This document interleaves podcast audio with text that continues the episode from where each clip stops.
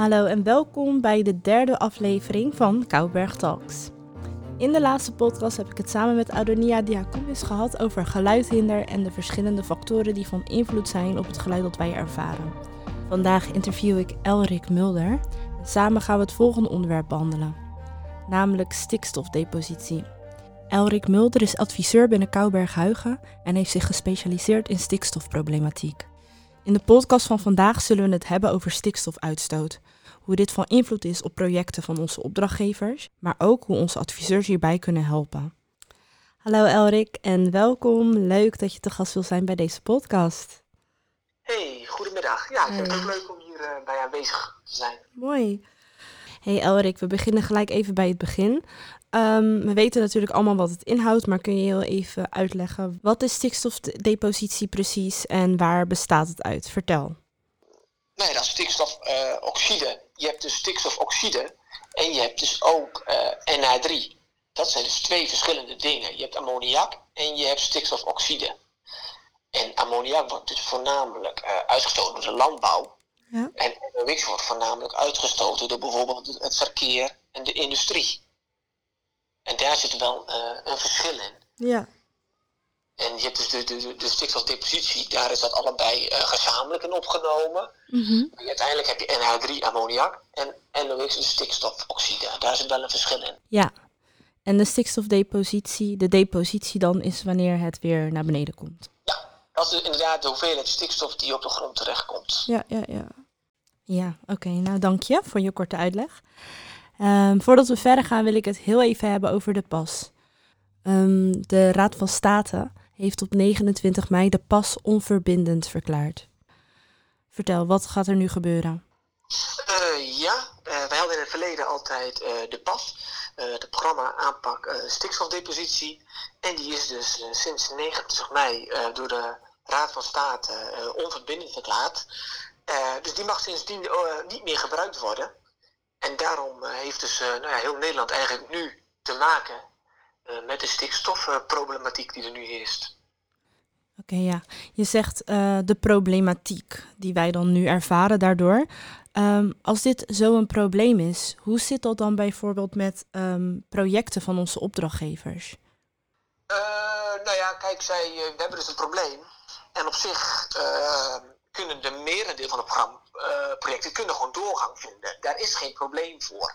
Dat wordt wel verondersteld. Alleen uh, eh, 9 van de 10 uh, eh, projecten die kunnen gewoon doorgang vinden. Dat is ja. geen probleem. Ja. En dat is wel iets, dat, dat, dat, weten veel mensen niet. Die denken, oh stikstof is een probleem. Maar, maar voor een klein nou ja, aantal projecten is dat daadwerkelijk een probleem. Voor het merendeel van de projecten kom je er eigenlijk wel uit. Ja, oké. Okay. En um, stel, een van onze opdrachtgevers die wil een project beginnen nabij een Natura 2000 gebied. Hoe gaan wij dan te werk? Wij kunnen de opdrachtgevers helpen uh, met het aantonen dat een project geen negatief effect heeft op de omliggende Natura 2000 gebied, gebieden van het project. Oké, okay, en hoe? Hoe zouden we dat doen? Uh, door bijvoorbeeld, uh, wij moeten allemaal rekenen in heel Nederland uh, met de Erius tool. En daarin kunnen wij dus twee fasen berekenen, wat we altijd doen. Dat is de aanlegfase en de gebruiksfase. In de aanlegfase, daar berekenen wij tijdens bijvoorbeeld de bouwfase de emissie van verbrandingsmotoren en de verkeersaantrekkende werking die plaatsvindt tijdens de bouwfase. Um, nou, en dat heeft een bepaalde emissie van bijvoorbeeld uh, uh, het verbruik van dieselmotoren van een uh, telescoopkraan. En al die gegevens bij elkaar, die hebben een bepaalde emissie. Die voeren wij in en dan kunnen wij berekenen. En indien er uit de rekenresultaten blijkt dat er geen depositie is boven de 0,00 mol per hectare per jaar, dan blijkt daaruit nou, dat dat project geen negatief effect heeft op de Natura 2000 gebieden in Nederland. En dan kan voor dat onderdeel uh, het project doorgang vinden. Ja. Vervolgens hebben we ook de gebruiksfase. Daarin uh, moet je aantonen wanneer het uh, project gereed is. Dus dat het echt afgerond is. dan moet het ook in het gebruik, mag het geen negatief effect hebben. Dus dat gaan we dan doen. Tegenwoordig worden de meeste gebouwen gasloos gebouwd. Dus je hebt geen emissie van nou ja, de cv-ketels. Maar je hebt wel de verkeersaantrekkende werking. Ja. daar zijn gegevens voor Um, en die voeren wij in van het aantal verkeersbewegingen per dag. En indien blijkt dat daar ook geen negatieve effecten uit uh, optreedt, dan kan dat project dus in zijn totaliteit doorgang vinden en kan nou ja, het project uitgevoerd worden. Kun je mij uitleggen, Elrik, waarom is het zo belangrijk dat een uh, bedrijf moet aantonen dat dit geen negatief effect heeft op de Natura 2000 gebieden? Wat maakt dat zo uh, belangrijk? Uh, wij drukken alles uit in mol per hectare per jaar. En indien een Natura 2000 gebied planten heeft die beneden of rond de 2400 mol liggen, dan worden die planten als stikstofgevoelig aangemerkt. Ja die dus stikstofgevoelig worden aangemerkt, dan betekent het dat we daar de berekening op uitvoeren. En dat die planten het probleem zijn. Of het probleem, maar dat die dus uh, stikstofgevoelig zijn. En uh, wat is dan het probleem met die stikstof? Het probleem is dat uh, die komen dus op de, de, stikstof slaat neer op de grond. En dan wordt dat dus opgenomen door bijvoorbeeld, heel goed opgenomen door brandnetels. En die zorgen ervoor, die woekeren zo erg dat die dus uh, andere planten uh, overwoekeren, waardoor die uh, planten uiteindelijk verdwijnen. Dus onze biodiversiteit in Nederland, die zal daardoor ook afnemen. Ja. En daar is dus alles op geënt dat het allemaal, nou ja, in balans moet blijven. En omdat die biodiversiteit daar dus afneemt, kom je weer terug bij het stukje hoe dit nadelige gevolgen heeft voor ons ecosysteem. Precies, precies. Dan krijg je dus dat de bepaalde planten de overhand krijgen. En dat proberen we nu te voorkomen. En de stikstofgevoelige planten, habitatsoorten, die proberen we op deze manier te beschermen. En die ontwikkeling die was er dus altijd al.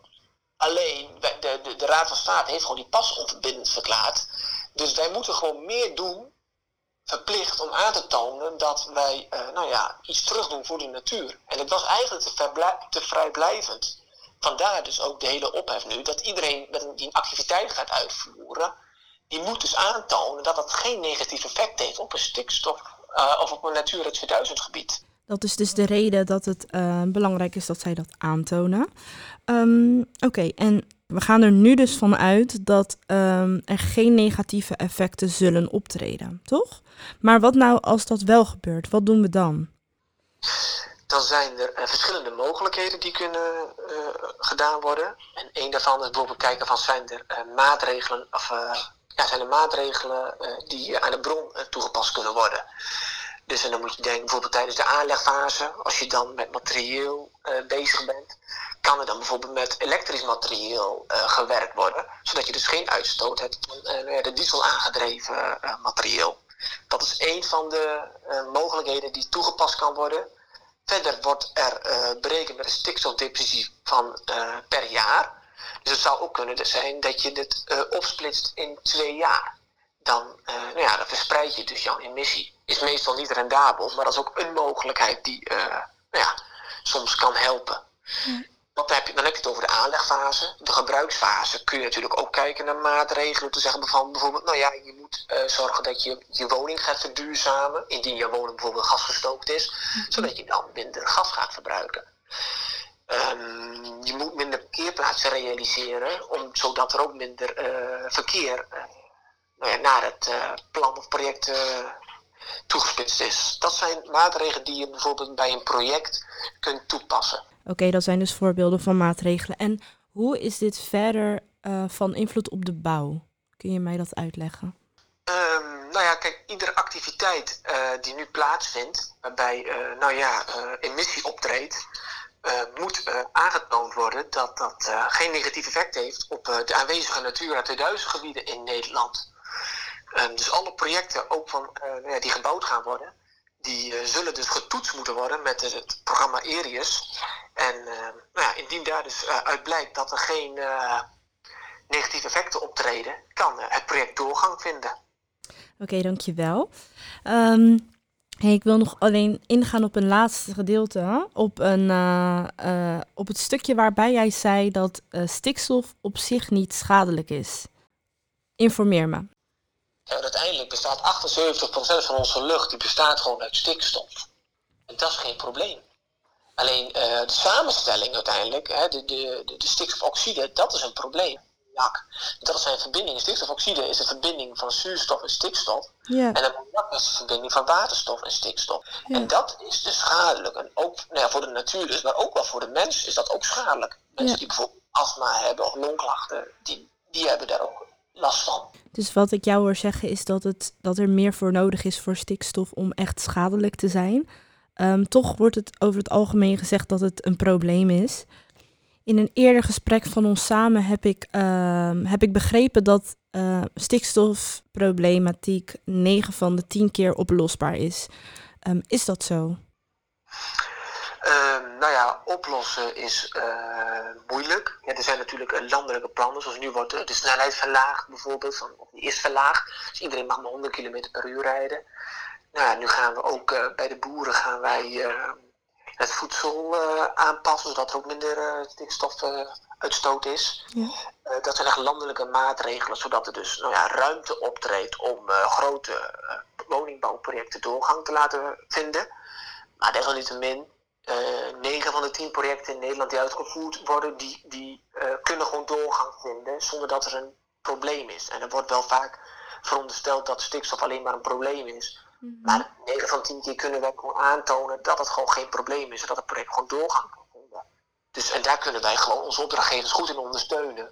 En wat wij ook wel heel veel doen natuurlijk. En ja, op die manier kunnen wij gewoon helpen. En eh, kan het project doorgang vinden. Wat in onze mening het belangrijkste is. Ja, is het zeker. Als, eh, als laatste wil ik het met je hebben over, ehm, over grote, grotere bedrijven en al bestaande eh, bedrijven. Eh, deze moeten natuurlijk ook kunnen aantonen dat zij geen negatief effect hebben op ons ecosysteem. Dat klinkt alleen niet als een hele makkelijke klus die zo even geklaard is. Hoe gaat dit in zijn werk? Ehm, nou, alle activiteiten die wij dus uitvoeren, moeten dus eh, middels een berekening aangetoond worden dat het geen negatief effect heeft op een Natura 2000 gebied. Dus dat betreft ook bestemmingsplannen, eh, projecten zoals woningbouw, maar ook eh, projecten bijvoorbeeld van eh, nou ja, infrastructuur. Maar ook bestaande bedrijven die dus bijvoorbeeld een nieuwe revisievergunning willen aanvragen. Ja, Die zullen ook moeten aantonen nu dat ze dus middels die ERIS-berekening dat ze geen negatief effect hebben op de omliggende Natura 2000 gebieden. Dus uiteindelijk krijgen de meeste bedrijven er vroeg of laat wel mee te maken. ja, ja, ja. En als je dus vervoersbedrijven hebt bijvoorbeeld, of je hebt bedrijven die toevallig heel veel stikstof uitstoten, ja, allemaal moeten ze aantonen dat zij geen eh, negatieve bijdrage hebben aan een Natura 2000 gebied. Nou ja, dat is best wel lastig voor grote bedrijven soms. En Ja. daarbij ondersteunen wij ook deze bedrijven door dat aan te tonen. En indien ze wel een overschrijding hebben, dan gaan wij kijken naar eh, referentiedata. Van goh, eh, hoe lang zit het bedrijf daar al?